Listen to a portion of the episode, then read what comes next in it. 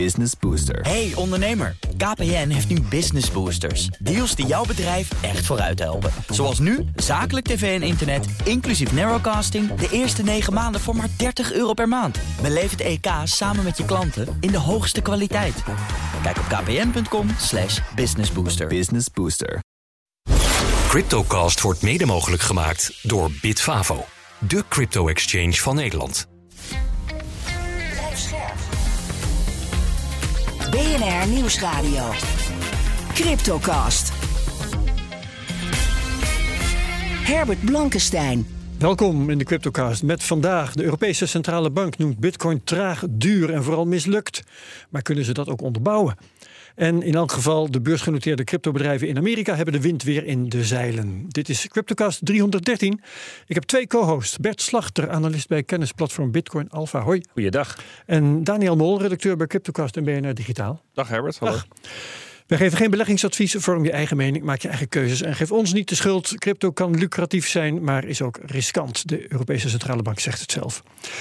Uh, ja, uh, traag, duur, heeft een reële waarde van nul ook niet geschikt als investering. Dat schrijven dus twee medewerkers van de ECB in een nieuwe blog. Welke argumentatie heeft de bank daarvoor en waarom maakt de ECB zich eigenlijk zo druk over Bitcoin? Bert, die, die laatste vraag eigenlijk om te beginnen. Um, twee heren, Ulrich Bindzeil en Jurgen Schaaf, die schrijven zo'n stuk. Uh, waarom zouden ze dat doen? Waar maken ze zich druk over? Ja, laten we allereerst opmerken dat de auteurs dit op persoonlijke titel schrijven. En niet als ECB. En ook ja. verder geen specialist zijn is in dat crypto. Geen, is dat geen wassen neus? Nou ja, daar moet het zo, daar moet het zo meteen over hebben. Ja, moet het zo meteen okay. over hebben. Maar het staat natuurlijk heel uitgebreid bij. En het ja. wordt op een blog gepubliceerd en niet in een paper. Maar um, nou ja, oké. Okay, ze schreven al eerder, deze twee heren, een stuk over bitcoin. Dat zo boordevol onjuistheden zat. Um, dat veel experts er vooral moesten gniffelen. November 2, uh, 2022. Ja, en dus ja. het was voor mij eerlijk gezegd wel een verrassing dat dit tweetal nog een keertje de sleutels van de ECB-blog uh, kregen uh, om wat te schrijven. En dat deden ze opnieuw een, weer een dramatisch slecht stuk. En de tactiek die ze telkens toepassen is dit: ze beweren iets.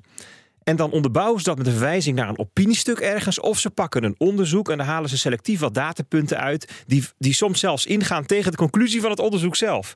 En dan is de makkelijkste optie om het te negeren, zo'n stuk. Maar dat is toch wel gevaarlijk, want er zijn veel mensen die blind geloven wat de ECB schrijft. Ik kwam er een aantal tegen op Twitter. Uh, ja, nou ja, ook nee. in het Financiële Dagblad, hè, ook onderdeel van uh, dit, dit, dit mediahuis. Collega Matthijs Rotteveel. Matthijs Rotteveel die er dan ja. wat over zei. Mensen hechten er veel waarde aan. Dus je vroeg, wat is nou hun belang? Hè? Wat is nou, waarom schrijven ze dit soort dingen? Dat is terechte vraag. Kijk, ik vind, zou het zelf mooi vinden als de ECB zich zou beperken tot het voeren van monetair beleid. En dan liefst verstandig monetair beleid.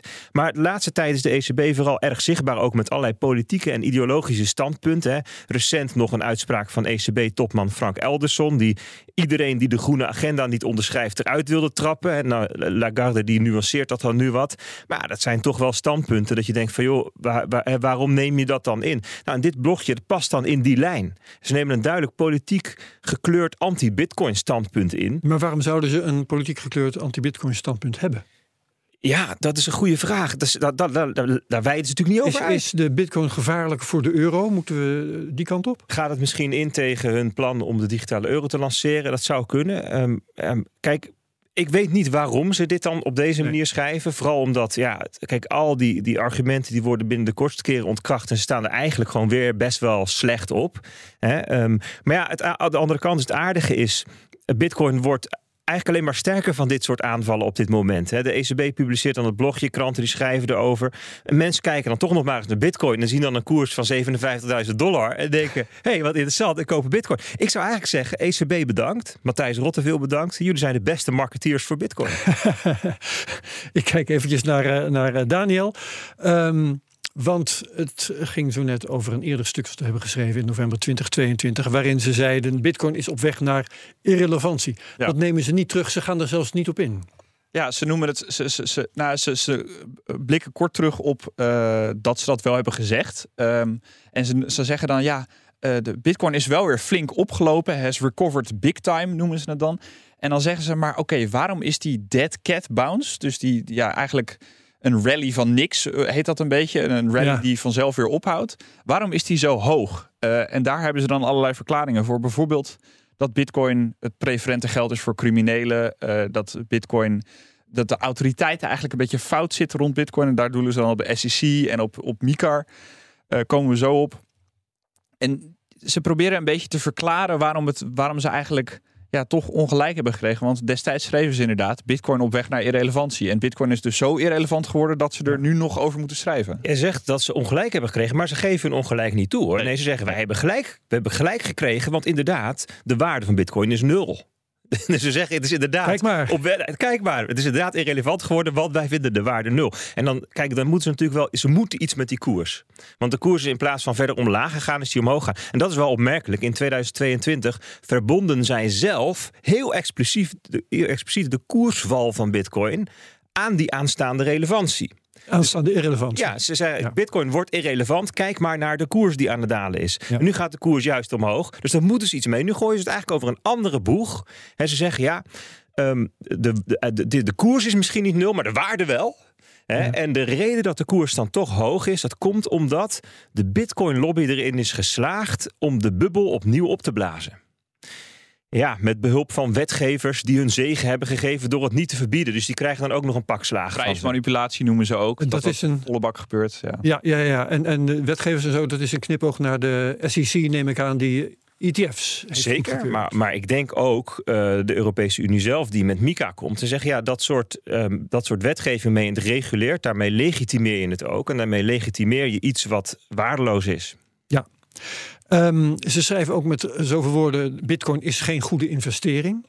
Ehm, ja, is dat iets wat, wat bij een centrale bank vandaan hoort te komen? Een, eh, het publiek waarschuwen tegen een bepaald soort belegging? Nee, dat lijkt me helemaal niet op geen enkele manier eh, hun taak om daar een, een inhoudelijke mening over te hebben. En dat is precies ook de reden dat de SEC uiteindelijk heeft gezegd: wij keuren die Bitcoin-ETF's goed hoor, hè, die staan wij toe. Ook al vinden we het niks. Ja, al, al zou ik het niks vinden, dat is niet waar wij over gaan. Wij moeten, er, wij moeten het hebben over. Ehm, eh, kunnen we, is de consument voldoende beschermd? Ehm, wordt de prijs niet gemanipuleerd? Weet je, is, is, kunnen we fraude detecteren? Allemaal dat soort zaken moeten ze eh, naar, naar kijken over een markt. Hè? En, ehm, en dan is notabene de ECB nog niet eens een toezichthouder op de markten. Hè? Ze, zijn, ze moeten het monetair beleid maken en houden toezicht eventueel op de banken. Eh, maar that's it. Dus, dus het is en buiten hun mandaat. En dan is dat ook nog niet eens de manier waarop ze. Dus Ja. het is niet aan hun om ergens iets van over te vinden. Ze gaan ook geen advies geven: kopen ASML of Nvidia of zo. Nee, maar dan kom ik wel weer terug op wat jij net zelf zei: persoonlijke titel. Ja, Dan mogen ze het misschien weer wel. ja, daar verbergen ze zich wellicht achter.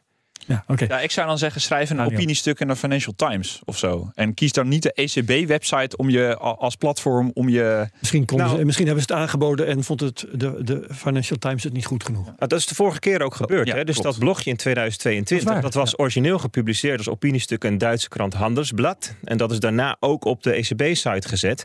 En ja, nog weer een dag later stond het dan eh, in, eh, in het Financiële Dagblad hier. En met het kop erboven, ECB-onderzoek stelt dat bitcoin op weg is naar irrelevantie. En dat is natuurlijk een soort, ja, ehm, hoe zeg je dat, eh, eh, waterval of... of ehm, hè, zo'n domino die dan valt. En dan Ja. wordt het steeds groter. En uiteindelijk is het de E- ECB vindt of de ECB adviseert koop geen bitcoin. Ja.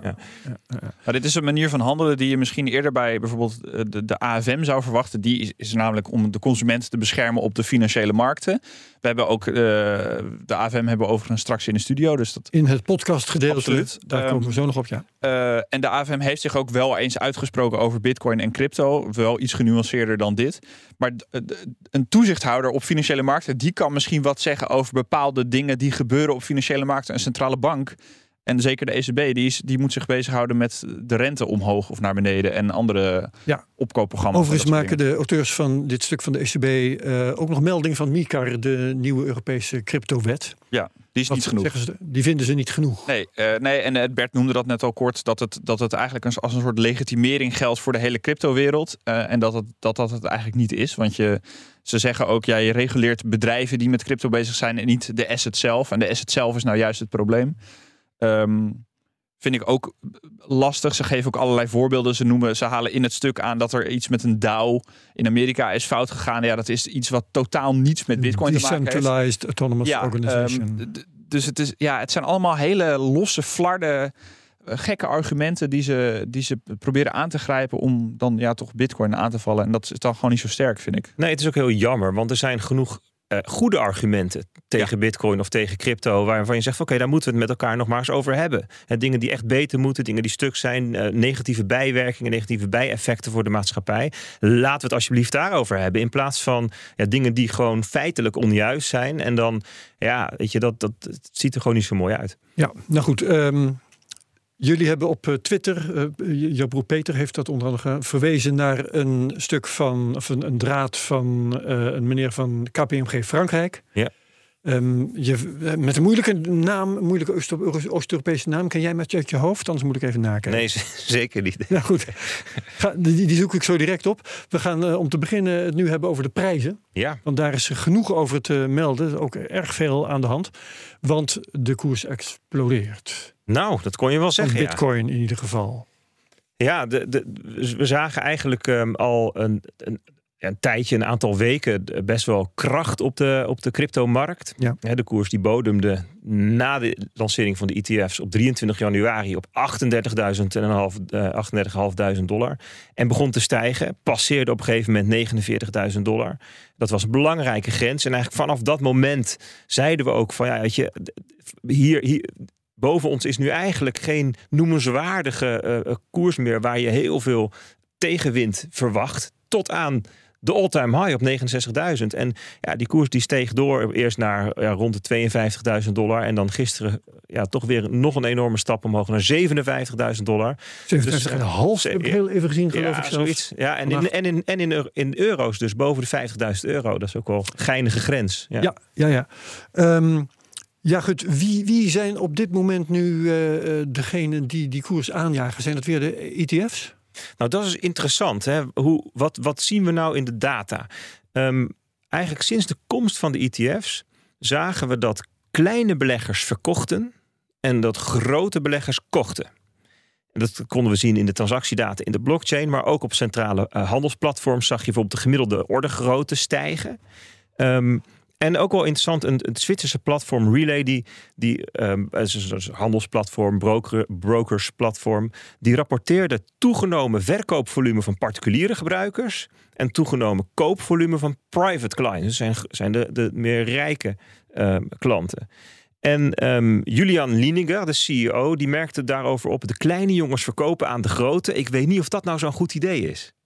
En dat, dat, over het algemeen beschouwt men namelijk grote beleggers als smart money, omdat ze een kennisvoorsprong zouden hebben. En ja, de kleine, de particuliere, ja, dat, zijn dan, dat is dan de dumb money, hè? Die, die trekken aan het kortste eind. Ja. En dat die de afgelopen weken zo veel kochten, ja, dat zou dan een signaal kunnen zijn van hogere koersen. Hè? Omdat die grotere spelers ja, weten waar ze mee bezig zijn.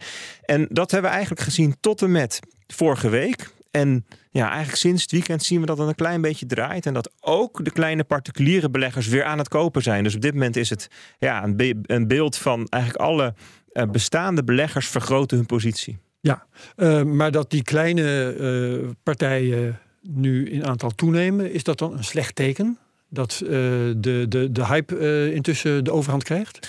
Nou, van een hype is nog, nog echt geen sprake hoor. Dus, dus echt, um, ja, we gaan, ja, we gaan straks eventjes hebben in het nieuws nog over het handelsvolume bij Coinbase. Dat is altijd een hele mooie graadmeter voor hoeveel particuliere beleggers zijn er nou eigenlijk. Ja, dat is echt nog, nog lang niet op het niveau van 2021. Ja, dus van, van hype of van gekte of van euforie. Nee, daarvan is nog geen sprake. Sterker nog, ik hoor ook ja, in onder crypto beleggers nu nog toch nog wel ongeloof. Dat we nu alweer op zulke hoge koersen ja, zitten. Een, een procentje of 18 van het all-time high. Ligt, ligt de weg nu open? Ja, ik denk het wel. Uh, niet om daar meteen doorheen te gaan, maar het prijsbereik tot aan die 69.000 dollar, dat zullen we vermoedelijk de komende maanden verkennen. Eigenlijk een, een vrij veld. Ja. Uh, de instroom bij de ETF's nog heel eventjes, um, die uh, bereikt ook weer records. Ja, de week van um, 12 februari um, kochten de Bitcoin trackers bij elkaar met z'n tienen 45.000 bitcoins. dat is 9.000 per handelsdag. En op zo'n handelsdag 9000, dus dat is tien keer zoveel als er op zo'n dag in omloop wordt gebracht. miners Dus bij elkaar 900. minen. Ja. Ja. Ja. Ja, dus dat, daar zit een bepaalde onbalans in. En de enige manier waarop je dat kunt oplossen is met hogere koersen. En want dan zijn er namelijk bestaande beleggers die zeggen: Nou, dan verkoop ik hem wel. En je moet op een of andere manier die resterende 8000, die moet je ook Ergens vandaan. ergens vandaan toveren. Krijgen, Ja. Hè, En ehm, nou, vorige week zagen we even een soort pauze. Toen zagen we dat tempo niet. Maandag was een bank holiday in Amerika. En eh, woensdag werd er zelfs een klein beetje uit de ETF's gehaald. Dus het was een wat, wat magere week. En, en, en vrijdag zag je het alweer wat keren. En gisteren op maandag was het weer, was het weer feest. Echt, ehm, ik geloof 600 miljoen dollar of zo aan instroom in die fondsen. En ja, kijk, veel mensen die extrapoleren dat dan. Hè, van nou, als dit dan de komende jaren zo doorgaat, dan, hè, dan krijg je koersen van tonnen en weet ik veel wat allemaal. Ja, dat is best wel ehm venijnig, want eigenlijk weten we nog best wel weinig over wie nu die ETF-aandelen kopen. Er Ja. zijn wel allerlei hypotheses over, allerlei vermoedens over. Maar ja, misschien zijn het wel ook handelaars die bij het eerste zuchtje tegenwind alles weer verkopen. We weten het domweg nog niet, omdat we pas ja, twee maanden nog niet eens, anderhalve maand die, die, die dingen hebben. Dus we moeten nog gaan zien hoe dat uiteindelijk uitpakt. Oké, eh, dus dat is een eh, nou, interessante vorm van onzekerheid. Dus daar kunnen, dan hebben we volgende week tenminste nog wat te bespreken. Precies. Oké, ehm, de markt doet het goed. Eh, dat is ook te zien in de kwartaalcijfers van de cryptobedrijven die aan de beurs zijn genoteerd. Coinbase en Block, dat is het Bitcoin-bedrijf van Jack Dorsey, oprichter van Twitter. Die kwamen met de cijfers over het vierde kwartaal. Daniel, Block eerst maar eens eventjes. eh, hoe is het met Block gegaan in het eh, laatste kwartaal van 2023? Nou ja, ook hier is het één grote goed nieuws show eigenlijk. Ehm, en dat is niet alleen omdat het goed gaat met Bitcoin, maar wel, maar wel vooral. Ehm, aandelen gingen na beurs toen ze hun cijfers publiceerden met 14% omhoog. Want dan analisten voorspellen een bepaalde resultaat en dat, daar zaten ze dan boven. Nou, dat is dan heel goed de nieuws. Block-aandelen. Ja, blokaandelen, zeker. Ehm, en die belangrijkste winsten die komen dan ook echt uit de Cash App en uit eh, de, de verkoop van Bitcoin. Dan moet het even zo zien. Ze hebben een soort PayPal-achtige app. Dat heet de Cash App. Is alleen beschikbaar in Amerika. Waar je op een hele makkelijke manier ook met Lightning bijvoorbeeld eh, Bitcoin kan kopen. Ehm, dat hebben ze, de, dat de, de, de, de Bitcoin verkoop, de opbrengst uit die Bitcoin verkoop is bijna verdubbeld ten opzichte van vorig jaar. Zo. Eh, en dat komt ook, Bert zei net terecht, ja, Coinbase is- zit nog niet op de, op de hype niveaus van een paar jaar terug. Cash App groeit heel snel, dus daar zie je wel al dat het begint te komen. Eh, en wat ook wel interessant is bij Block, die hebben 8000 bitcoin op de balans. En dat tikt natuurlijk ook lekker aan als de prijs ja, de 300% of 200% gestegen is. Ja, het is gratis winst. Dat is gratis Zonder winst. dat je je Eh, bedrijf eigenlijk ja, hoeft te ja. uit te oefenen. En dat eh, belonen aandeelhouders dan ook op, op die manier. Ja. Oké, ehm, Block is Bitcoin only. Ehm, ze verkopen dus Bitcoin via die Cash App. Vertel je, eh, wat wa- waardoor eh, stijgt die koers nu harder dan, dan die van Bitcoin zelf? Nou, het is, het is vooral die Cash App die, met, betaalkaarten, met de verkoop van Bitcoin, waar ze echt geld mee verdienen. Wat ik leuk vind, is ze hebben ook nog een aantal andere projecten waar, waar Bitcoin mee gemoeid is. Eh, dat noem ik de BitKey. Daar hebben we het ook al een keer over gehad hier in de CryptoCast. Dat is een, een wallet, een hardware wallet die het eigenlijk makkelijker moet maken voor ja, leken of in ieder geval beginners om hun eigen Bitcoin zelf op te slaan. Dat is best ingewikkeld. Ja. Eh, en dan hebben ze ook nog TBD. Eh, dat is een plek om ja, open source protocollen te ontwikkelen. En zij hebben bijvoorbeeld zelf een exchange gemaakt waardoor je decentraal kan handelen eh, Ja. in, in crypto. Maar dat zijn activiteiten die brengen dus ehm, samen zelfs minder geld in het laadje dan gewoon Bitcoins verkopen. Ja, eh, dat, is, dat is niet, staat niet in verhouding met elkaar. En ze hebben ook nog eh, iets wat wel veel geld verdient, is Afterpay. Dat hebben ze voor 29 miljard overgenomen een jaar geleden of twee jaar geleden. Dat levert geld op. Tidal is een streamingdienst, ooit opgericht door Jay-Z. Ja. Ja, het doet het niet zo heel goed. Maar eh, dat zijn allemaal dingen. Maar eh, eigenlijk staat alles niet in verhouding met die Cash App, die het gewoon hartstikke goed doet. En dat is eh, ja, als fintech bedrijf is Block dan gewoon heel sterk. ja. En Coinbase, hoe heeft Coinbase het gedaan? Nou, die de, hebben ook goede cijfers. Volgens mij, Bert, heb jij je daar een beetje in, eh, in verdiept? Ja, ik heb me even inge- ingelezen in hun kwartaalrapportage. Dat is wel heel, heel interessant. Kijk, veel, veel ehm, eh, zeg maar Wall Street analisten die kijken dan vooral naar omzet en winst. Nou, dat zag er prima uit. Ehm 950 miljoen dollar omzet, winst van 270 miljoen in het vierde kwartaal. En dat was meer dan verwacht, dus dan stijgt de koers. En dan kan je zeggen, oké, nou dat hebben we dan gehad. Maar in die rapportage, is een heel boekwerk, daar zaten heel, allerlei interessante inkijkjes in. Bijvoorbeeld over het handelsvolume. Het handelsvolume nam in het vierde kwartaal met 164% toe. Je hebt opzichte het handelsvolume op Coinbase, op Coinbase. de exchange. Ja, Ja, dus wat er op hun platform zich afspeelt. Hè, dus de, de, hun gebruikers die daar actief zijn. Nou, dat nam met 164% toe van het ene naar het andere kwartaal naar 29 miljard dollar. Dan zeg je zo, dat klinkt als een boel. Maar ja, als we dan even terugkijken naar de vorige boelmarkt, dan was de hoogste kwartaal 177 miljard. Dus het is eigenlijk, wat je eigenlijk ziet als je die grafiek zo voor je ziet, zie je een enorme glijbaan naar beneden, de bearmarkt in. En dit is de allereerste kwartaal dat we ineens weer een stapje omhoog zien. Ja, dus daar, je zou kunnen zeggen van nou, die, die cijfers van Coinbase die geven een soort inkijkje in waar, waar zijn we nou in de marktcyclus. Ja. Ja, dus dat is, wel, dat is wel aardig om te zien. Verder gaat eh, Coinbase vanaf dit jaar, dus vanaf kwartaal 1, dat zijn dus de komende kwartaalcijfers, nieuwe accountingregels hanteren. Ehm, waardoor de crypto-activa die zij bezitten tegen marktwaarde op de balans komen te staan. In plaats van tegen nou ja, de, de, de, de, Aankoopwaarde. nou nee, het was de, de aankoopwaarde en dan ook nog eens afgeschreven als de koers daalt. Dat is de manier waarop dat moest in Amerika. MicroStrategy heeft dat weten te veranderen. Juist, heeft het Ja. weten veranderen. En het aardige is dat ze daardoor ook wat vertelde over de crypto die ze hebben. Er staat voor 330 miljoen dollar aan crypto op de balans. Wat nu inmiddels 1,1 miljard dollar waard is. Dus dat gaan we nog zien volgende keer. Ze vertelde ook wat over hun ventures portefeuille. Ze hebben allerlei projecten. Celestia, Arbitrum, Optimism hebben ze op de balans tegen kostprijs. Was het- een deel daarvan is inmiddels 100 keer zoveel waard. We kregen allerlei toch wel aardige inzichten in ehm, ja, wat er zich nou achter de schermen een beetje afspeelt bij Ja. dat bedrijf. Eén ding nog over, over Coinbase. Eh, we hebben wel eerder vastgesteld, ze waren diep weggezonken in de bear market. En kwamen daar ook eh, heel snel weer uit. Want eh, dan krijg je meer klanten, eh, die besteden meer, die, die, die kopen meer bitcoin. En die bitcoin is ook nog eens een keertje meer waard. Drie effecten die samenwerken, daarom gaat het zo.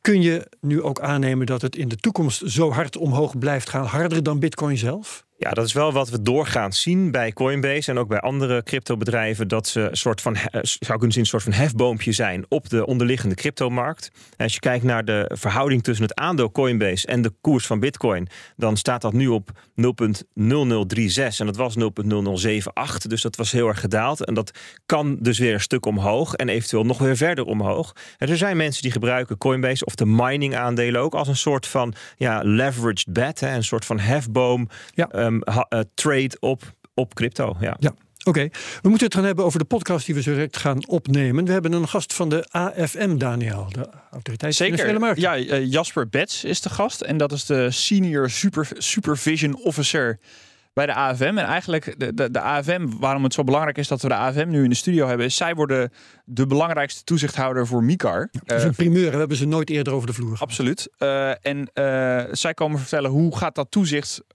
rond MICA, de, de nieuwe cryptowet, er nu uitzien. En dat gaat heel veel gevolgen hebben voor cryptobedrijven, voor klanten zelf, voor, zeg maar, voor cryptogebruikers zelf. Ja. En zij gaan uitleggen hoe gaan ze dat vormgeven, wat, wat gaat er concreet veranderen en hoe gaan ze het belangrijkste misschien anders doen dan DNB. Want de Nederlandse bank was eh, voorheen de, de enige toezichthouder op crypto. Ze blijven dat voor een deel nog steeds. Ja. Ehm, ja, en dat was de, die, de relatie tussen cryptobedrijven en DNB was heel moeizaam. Dus ik ben benieuwd hoe, AV hoe de AVM dat anders gaat doen. Spannend, Bert. Wat wil, wil jij, eh, het belangrijkste wat jij wil weten van de AFM? Nou, ik ben heel benieuwd hoe ze het gaan aanpakken. We hebben natuurlijk wel een wettekst, maar ja, hoe dat dan in de praktijk uitpakt en hoe zij zich gaan verhouden tot de verschillende spelers. Hè. De crypto-dienstverleners, de bedrijven, maar ook finfluencers. Of als je een token wil uitbrengen. Ehm, eh, hoe zwaar is eigenlijk zo'n vergunningsaanvraag? Dat soort dingen. Ik heb heel veel vragen die ik eh, aan, eh, aan de AFM stellen. Mooi, het zou dus een lange eh, zitting kunnen worden. Ik eh verheug me erop. Ehm, allebei dank. Daniel Mol van BNR zelf. Bert Slachter van eh, eh, platform Bitcoin Alpha. En ehm, wie meegaat naar die podcast, heel graag. Als dat niet lukt, is het ook prima. En dan heel graag tot volgende week bij de Cryptocast op BNR. Dag.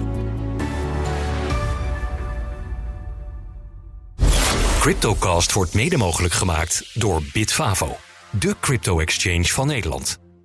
Business Booster. Hey ondernemer, KPN heeft nu Business Boosters. Deals die jouw bedrijf echt vooruit helpen. Zoals nu, zakelijk tv en internet, inclusief narrowcasting... de eerste 9 maanden voor maar 30 euro per maand. Beleef het EK samen met je klanten in de hoogste kwaliteit. Kijk op kpn.com slash businessbooster. Business Booster.